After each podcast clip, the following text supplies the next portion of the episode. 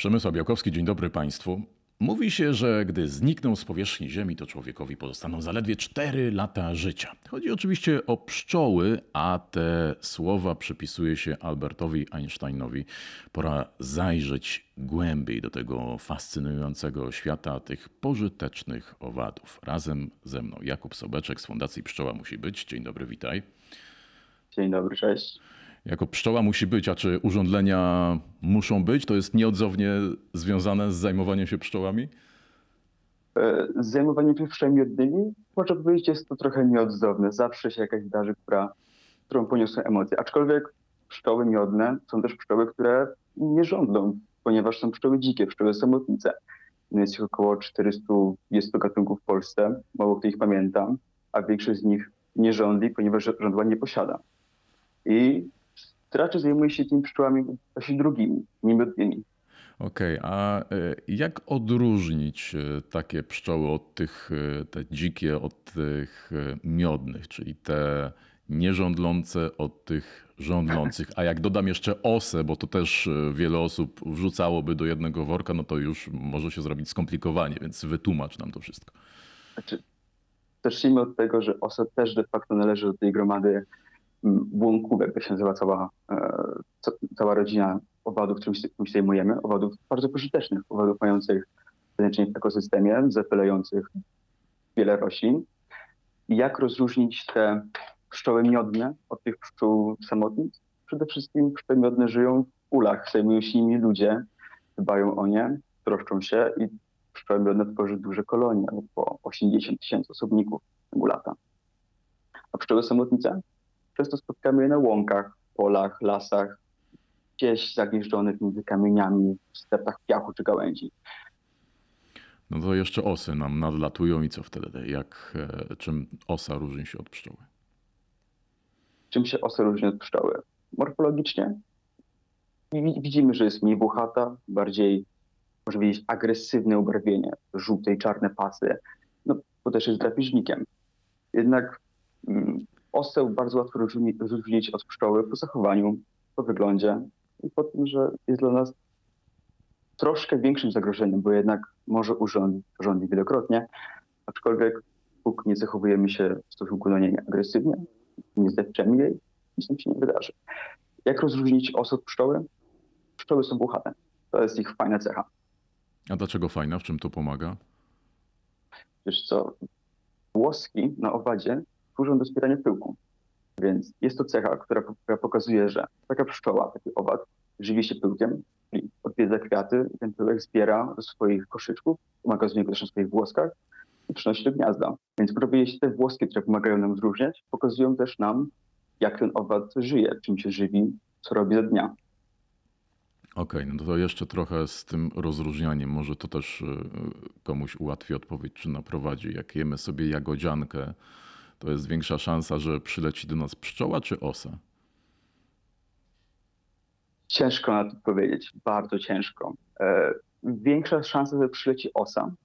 Nie wiem dlaczego, ale zauważyłem, że to jest prywatne obserwacja. Zauważyłem, że częściej jak coś spożywamy na dworze, osy przylatują jako pierwsze. Pszczoły raczej trzymają się roślin, czasami jakiś produkt pszczeli, który możemy gdzieś zostawić.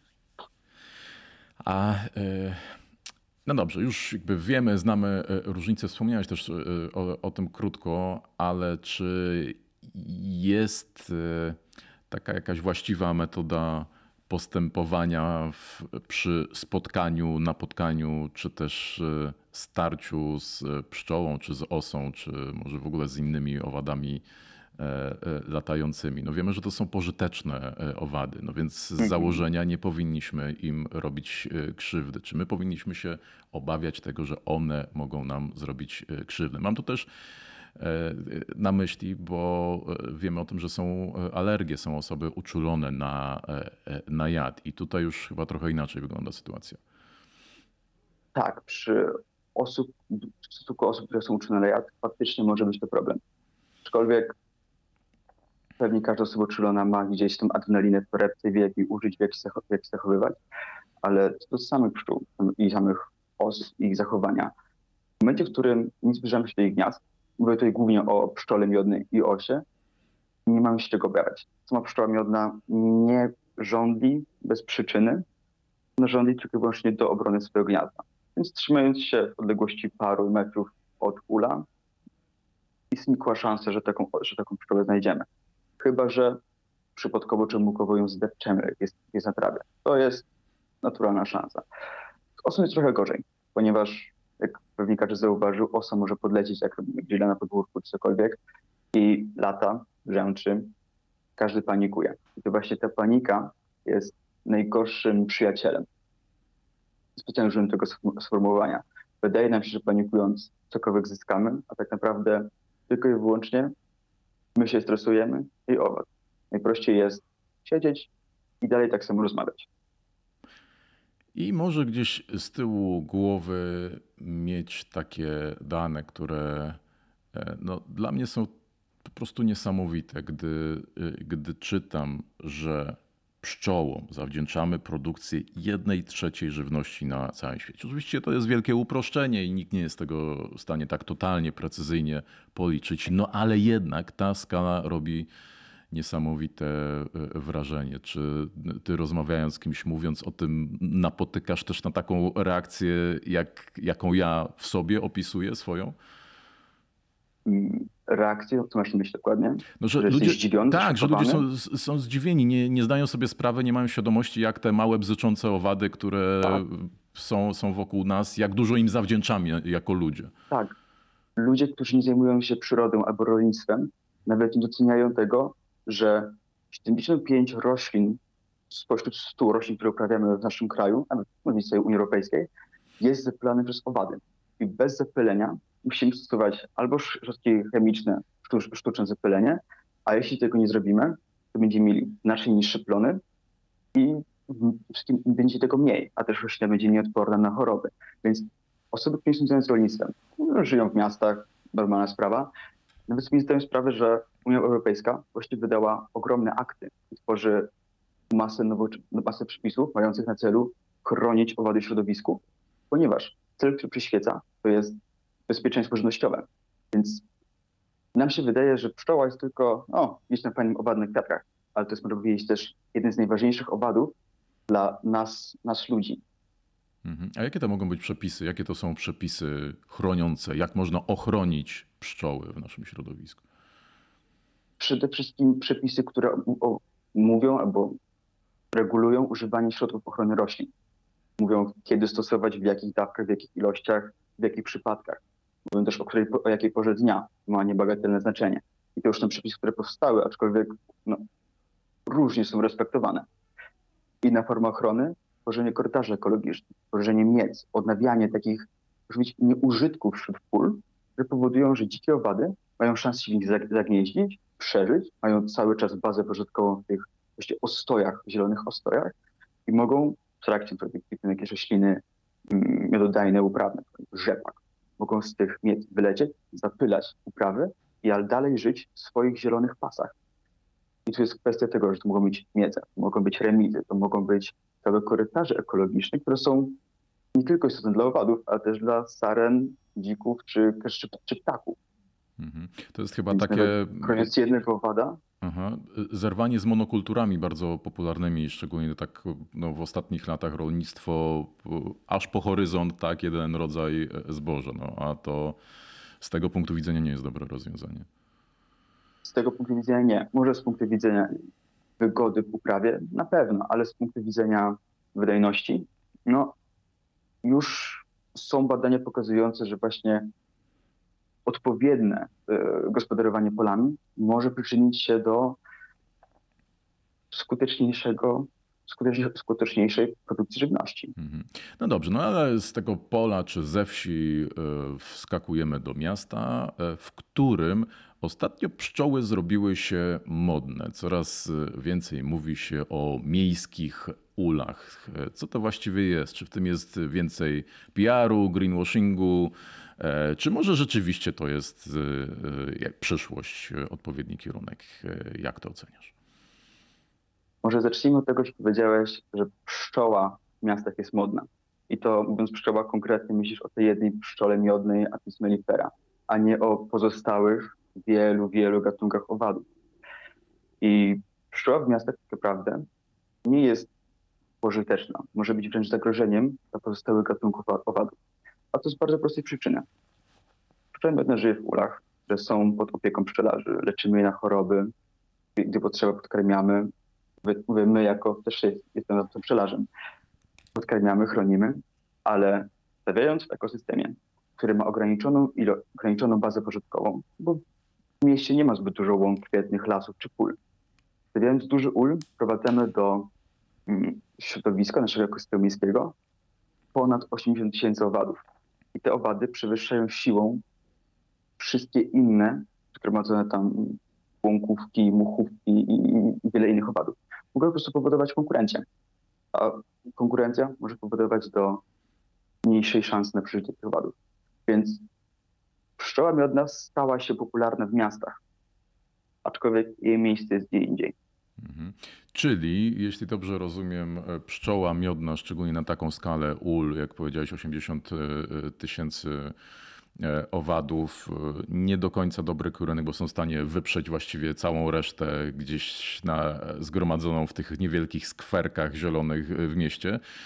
Ale tak. już jeśli to by była mniejsza skala i byłyby to dzikie pszczoły, ja nie wiem, czy to w ogóle jest możliwe fizycznie, czy to się praktykuje, żeby nie wiem, czy odtwarzać populację, czy, czy wypuszczać dzikie pszczoły gdzieś w okolicach parków w miastach, to, to jest możliwe? Wypuszczenie? Niekoniecznie, ale umożliwienie im życia, mianowicie wybudowanie korytarza ekologicznego, czyli mówić ciągu roślin, w którym owady mogą migrować w łąk, mm -hmm. stworzenie przestrzeni zielonej, czy to właśnie łąk kwietnych, które są, dają pożywienie cały rok, nie mówię tu o tylko łąkach kwietnych specjalnie, spowoduje, że po takich działaniach populacja owadów może się tworzyć samoistnie. Teraz, czemu też korytarz ekologiczny jest ważny? To co może mało osób wiedzieć, bo jednak wydaje się, że owady mają skrzydła i mogą latać. się okazuje, że większość dzikich pszczół może pokonać maksymalnie 30 metrów na swoich skrzydłach, niewiele, niewiele więcej. Czyli już ruchliwa droga asfaltowa, dwu-trzypasmowa, no, dwu-czteropasmowa, może być przeszkodą nie do pokonania. Tylko istotnym jest w rozprzestrzenieniu populacji ciągłość roślin. Zastanawiam się, e, e, no chyba, że pszczoła miodna ma znacznie lepsze mm, właściwości lotnicze, tak? E, bo, bo jeśli ona sobie. Te, dla porównania. Tak, bo ule kojarzę też taki obrazek, są gdzieś na dachach wieżowców umieszczane, no więc tam, gdyby ta pszczoła była w stanie tam przelecieć kilkadziesiąt metrów, to nawet nie byłaby w stanie dolecieć do pierwszego kwiatka napotkanego, więc to. No właśnie, pszczoła miodna jest trochę wyjątkiem, ponieważ okay. ona może latać promieniu 2-3 km ula skutecznie, a nawet 10 w poszukiwaniu pokarmu. Więc to jest już duża skala, duża różnica. No dobrze, a powiedziałeś o tym, że te pszczoły y, miodne, miodne wy, pszczelarze, dbacie o nie, y, podkarmiacie, czy walczycie z chorobami. E, no a jak to wygląda? Czym karmi się y, pszczoły? Jak aplikuje się lekarstwa pszczołom? Jak aplikuje się lekarstwa? Szczepionki jeszcze nie ma, aczkolwiek są pomysły na szczepionki i ich ciekawe aplikacje. Najprościej, jak dotrzeć do każdej pojedynczej pszczoły, podać im lekarstwo w roztworze cukrowym. Pszczoły lubią cukier, lubią to, co słodkie, więc jeśli takie lekarstwo spuścimy w mieszance cukru i wody, chętnie się tego zlecą, napiją, mogą też czyścić same siebie nawzajem i to lekarstwo rozprzestrzeni się po, po ulu. Inną metodą jest oddymianie. Głównie odymienie stosuje się na chorobę waroza, i bardzo mały pajęczak, który wbija się w ciało owada i wysysa. Hmm, kiedyś mówiło się, że hemolimfę, teraz ciałko tłuszczowe, to jeszcze badania trwają. I na przykład taką warozę leczy się pomocą otymiania. Takie tabletki nazywa się apiwarol. Można włożyć do ula, podpalić i dym, który się wydobywa, wybiera lekarstwo. Oczywiście nie jest to dym taki smolisty, jak my kojarzymy z dymu, tylko lekarstwo. lekarstwo. A czym się podkarmia? Z reguły podkarmia się pszczoły na jesieni, kiedy chcemy je przezimować aż do wiosny, albo w przypadku niedostatku. Podkarmia się albo ciastem, ciastem cukrowym, to taka mieszanina wody, cukru, nie cukru, sacharozy, czyli sacharozy, tylko raczej cukrów inwertowanych, które zawierają maltozę, glukozę i wiele innych, wiele innych cukrów. Oczywiście to witaminy, czasami jakieś białka. I Taką mieszankę stosuje się głównie późnym latem, jesienią po to, żeby pszczoły miały pożywienie na zimę, ale trzeba pamiętać, nie wolno, nie wolno podkarmić pszczół latem, kiedy są pożytki, ponieważ pszczelarze, którzy będą chcieli wybrać miód, wybiorą cukier, a nie nektar zebrany z, z kwiatów. Mówiłeś o tym, jak podkarmiać pszczoły, ale pszczoły właściwie podkarmiają nas miodem. No i tu dochodzimy do e, momentu e, i pytania, e, skąd właściwie bierze się miód, w jaki sposób powstaje miód? Hmm, to, jest ciekawe, to jest ciekawe pytanie, ale pierw zacznijmy od tego, że pszczoły podkarmiają nas. Nie do końca tak wygląda. W większości pasiek ten, kto chce mieć miód, może go wybrać w trakcie lata, ale potem musi właśnie pszczoły podkarmić, żeby jednak miały mieć, żeby jednak miały na zimę e, pokarm na przetrwanie. Żeby to jest jakaś forma wymiany. No, trochę niesprawiedliwa dla pszczół, nie oszukujmy się, ale tak już jest. E, pszczoły produkują miód, odwiedzając masę, masę roślin.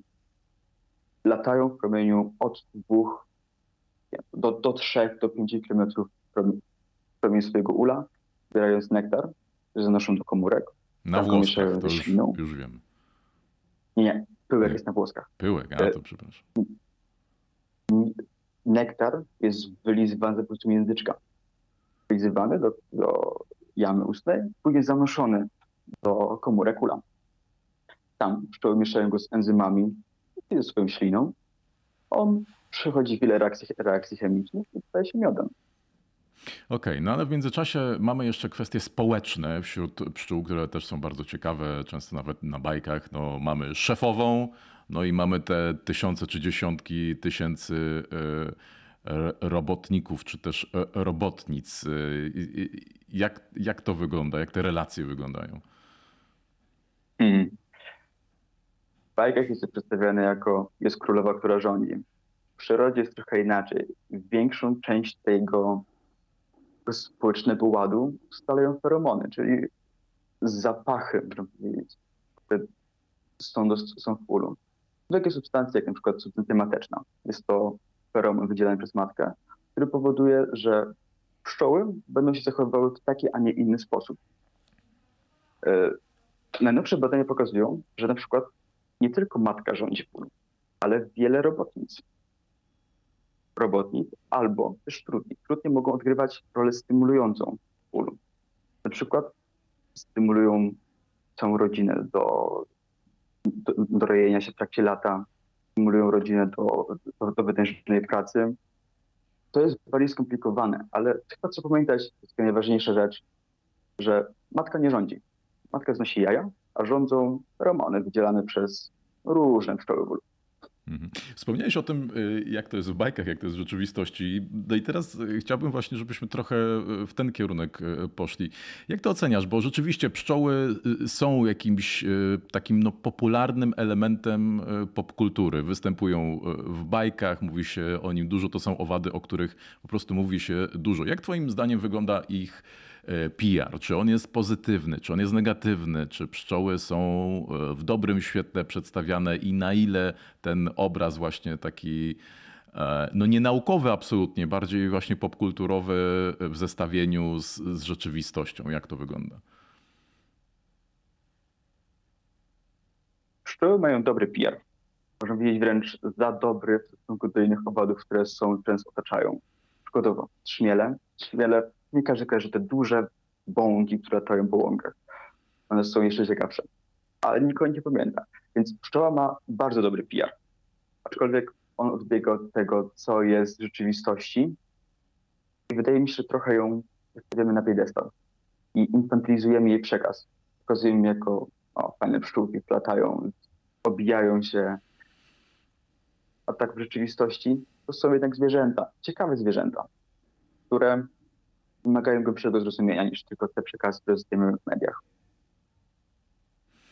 A gdy y, ja już o to pytałem, e, czy rozmawiając z kimś, kto jest, y, kto nie zna tego świata, kto nie jest pszczelarzem, e, wcześniej wspominaliśmy o tym, czy, czy, czy ma świadomość, zwykle pewnie nie ma, jak bardzo pożyteczne są pszczoły, ale właśnie tutaj jeszcze w tym, e, w tym kontekście, co jest takiego mm, zadziwiającego, co jest takiego e, ciekawego, co jest takiego zwracającego czy przykuwającego uwagę w świecie pszczół, o czym no, ludzie totalnie nie zdają sobie sprawy? Takich elementów jest wiele, ale chyba bym wymienił na początku formę komunikacji. Jednak zgrać rodzinę, w której jest czasami 80 tysięcy osobników, czasami trochę mniej, czasami więcej, ale tak przybliżmy, to jest 80 tysięcy, skrać ją w spójny organizm, gdzie warto pamiętać, jedna pszczoła nie przeżyje. Czy ta sama matka nie przeżyje mówić, na wolności, czy pojedyncza robotnicza, czy pojedynczy tutaj. Dopiero cały rój jest w stanie funkcjonować. I każda, każdy osobnik ma swoją rolę. Tak jak komunikacja, w jaki sposób się komunikują, jest nieznany. I to nieznane nam jeszcze i pszczelarzom, i nawet naukowcom. Dopiero odkrywają, że pszczoły komunikują się za pomocą tupania. Pszczoły tupią, wywołują drgania i te drgania w odpowiednich częstotliwościach, w odpowiednim rytmie przekazują do najbliższego otoczenia pszczół konkretne informacje. I to jest tylko jeden z wielu, wielu sposobów komunikowania się ulu. No to bardzo to ciekawe. Jest ciekawy, to... to jest ciekawy element, jeśli chodzi o taką naukę. Mm. A czego nie wiedzą ludzie, co ich może zaskoczyć, takich laików i sympatyków? Bo właśnie znaczenie. Znaczenie dla całego środowiska. Y, zaskoczenie może być tutaj wygląda relacja między owad a roślina. I to relacja owad-roślina, która trwa od naprawdę 200 milionów lat. Bo mniej więcej wtedy zaczyna się wspólna ewolucja tych dwóch, tych dwóch grup. I tu jest, jak rozumiem, win-win, bo w relacji z człowiekiem, no to to pszczoła zyskuje niewiele, powiedzmy, tak? Zyskuje opiekę, więc to też jest, też jest jakiś win. Mm. W relacji owad-roślina właściwie występuje to, że obie grupy, i owady, i rośliny, zyskały niesamowitą możliwość rozprzestrzeniania się po całym świecie. Niesamowitą możliwość zdobywania partnerów. Mówię tu o roślinach, ponieważ owady przynoszą pył, to jest forma roz, roz, rozmnażania. Więc rośliny zyskały niesamowicie ważną, teraz dominującą formę, formę rozmnażania się. Bez owadów nie znalibyśmy większości gatunków roślin, które teraz istnieją. Mhm. A dlaczego pszczelarstwo, a nie bartnictwo?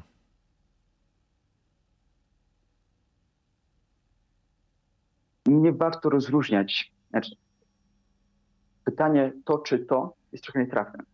Pszczelarstwo wzięło się z bartnictwa. Kiedyś barcie zakładane w lasach, gdzie bartnicy szukali takich pni, gdzie są rodziny pszczele i jakoś się nie zajmowali, to była wartość. Ale gdy człowiek świadomi sobie, że możemy tą barć przynieść pod swój dom, nie musimy chodzić daleko, i możemy zacząć rozumieć świat opadów, jak one funkcjonują, możemy zacząć je jakoś kontrolować, rozmnażać, podkarmiać, dbać o nie, może leczyć choroby, stworzyć ul, który będzie bardziej praktyczny dla człowieka, a zarazem mm, niejako wygodniejszy dla samego owada, to tutaj narodziło, się pszczelarstwo. Więc chyba nie warto zastanawiać się, czy bartnictwo, czy pszczelarstwo. To jest jedna linia. Jedna linia, okej. Okay. No dobrze, a dlaczego e, pszczelarstwo e, u ciebie? Wspominaliśmy wcześniej, jeszcze przed nagraniem, mówisz, że pszczelarstwem zacząłeś się interesować, zajmować w wieku 12 lat. No to nie jest chyba szczególnie popularne hobby, czy też pasja wśród nastolatków. To prawda. I skąd się to wzięło? Nie mam pojęcia. Może z tego, że lubiłem przyrodę zawsze lubię, nawet moje studia teraz są związane z kierunkami przyrodniczymi. A byłem pewien, widzisz, to tego się... o to nie zapytałem, ale byłem pewien, że to e, z pokolenia na pokolenie przekazana e, pasja. Nie, nie, nie, nie to właśnie no to troszkę inaczej. To było tak, że później, po fakcie dowiedziałem się, że w mojej rodzinie gdzieś tam były pszczoły, ale mój tata nie miał rodzin. I dopiero gdy sam zacząłem się interesować, czym czytać książki z tyłu o pszczołach, to mój tata zainteresował się tym ponownie. I założyliśmy pasiekę razem. Więc to raczej w tą stronę. Standardowo przyznasz.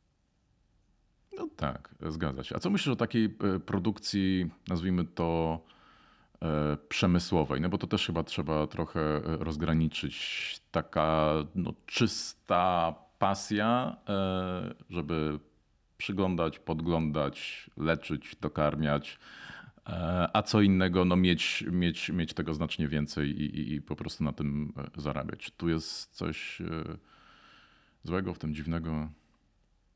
Jest to hodowla intensywna, bo tak się nazywa mm -hmm. cały proces produkcyjny, proces wykorzystania owadów do produkcji produktów pszczelich, ma wiele mankamentów. Tego pewnie każdy, kto śledzi moją fundację, to co robię, dostrzeże, że nasze pasieki są w hodowli ekstensywnej i mocno to znaczamy. Podstawowa różnica w tym, że podstawowa różnica między hodowlą ekstensywną a intensywną przede wszystkim nie wywożenie pszczół na duże monokultury, nie przestawienie tych rodzin, nie stosowanie zabiegów, które mają na celu pobudzić pszczoły do produkcji miodu, odkładania go w odpowiednim miejscu w ulu, a potem go zabierania. Nie stosujemy takich praktyk jak łączenie rodzin, później dzielenie. To raczej w sytuacjach wyjątkowych i na potrzeby samego dobrostanu pszczół. Więc hodowla intensywna, bez hodowli intensywnej nie mielibyśmy dostępu do miodu w sklepach, nie mieliśmy dostępu do pyłku czy produktów pszczeli, ponieważ pszczelarstwo ekstensywne nie jest w stanie zapewnić takiej ilości produktów, produktów pszczeli. A twoje pytanie było, jakie są mankamenty? Tym mankamentem są przewożenie pszczół, stosowanie praktyk, które powodują zwiększenie wydajności z, z ula i traktowania swojej pasieki nie jako pasieki złączonej z wielu ul, wielu pni, raczej jako jedności. Więc to jest najważniejsze rozróżnienie. No to jeszcze na koniec, e, jak zmienia się na przestrzeni lat e, los pszczół? Czy mamy się czego e, obawiać? Wspomniałem o tych słowach na początku, pewnie wielokrotnie powtarzanych, że no nie będzie pszczół, nie będzie człowieka. Czy nad pszczołami zawisły czarne chmury, czy, czy niekoniecznie? Pszczołą miodną czarne chmury nie wiszą ale tylko z jednej ważnej rzeczy. Zajmujemy się nią. Zajmujemy się nią, więc ona, więc jej dobrostan jest, jest w porządku. Ale nad tymi innymi pszczołami, o których mało kto zauważa, zawisają bardzo ciemne chmury.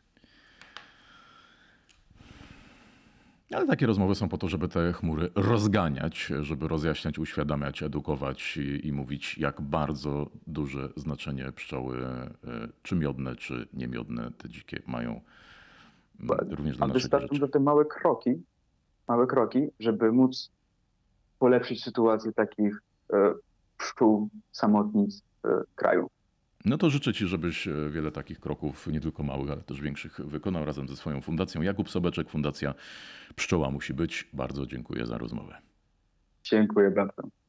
Państwu też dziękuję. Zapraszam, zachęcam do oglądania kolejnych wideokastów Zielonej Interii. Przemysł Białkowski, kłaniam się. Do widzenia, do zobaczenia.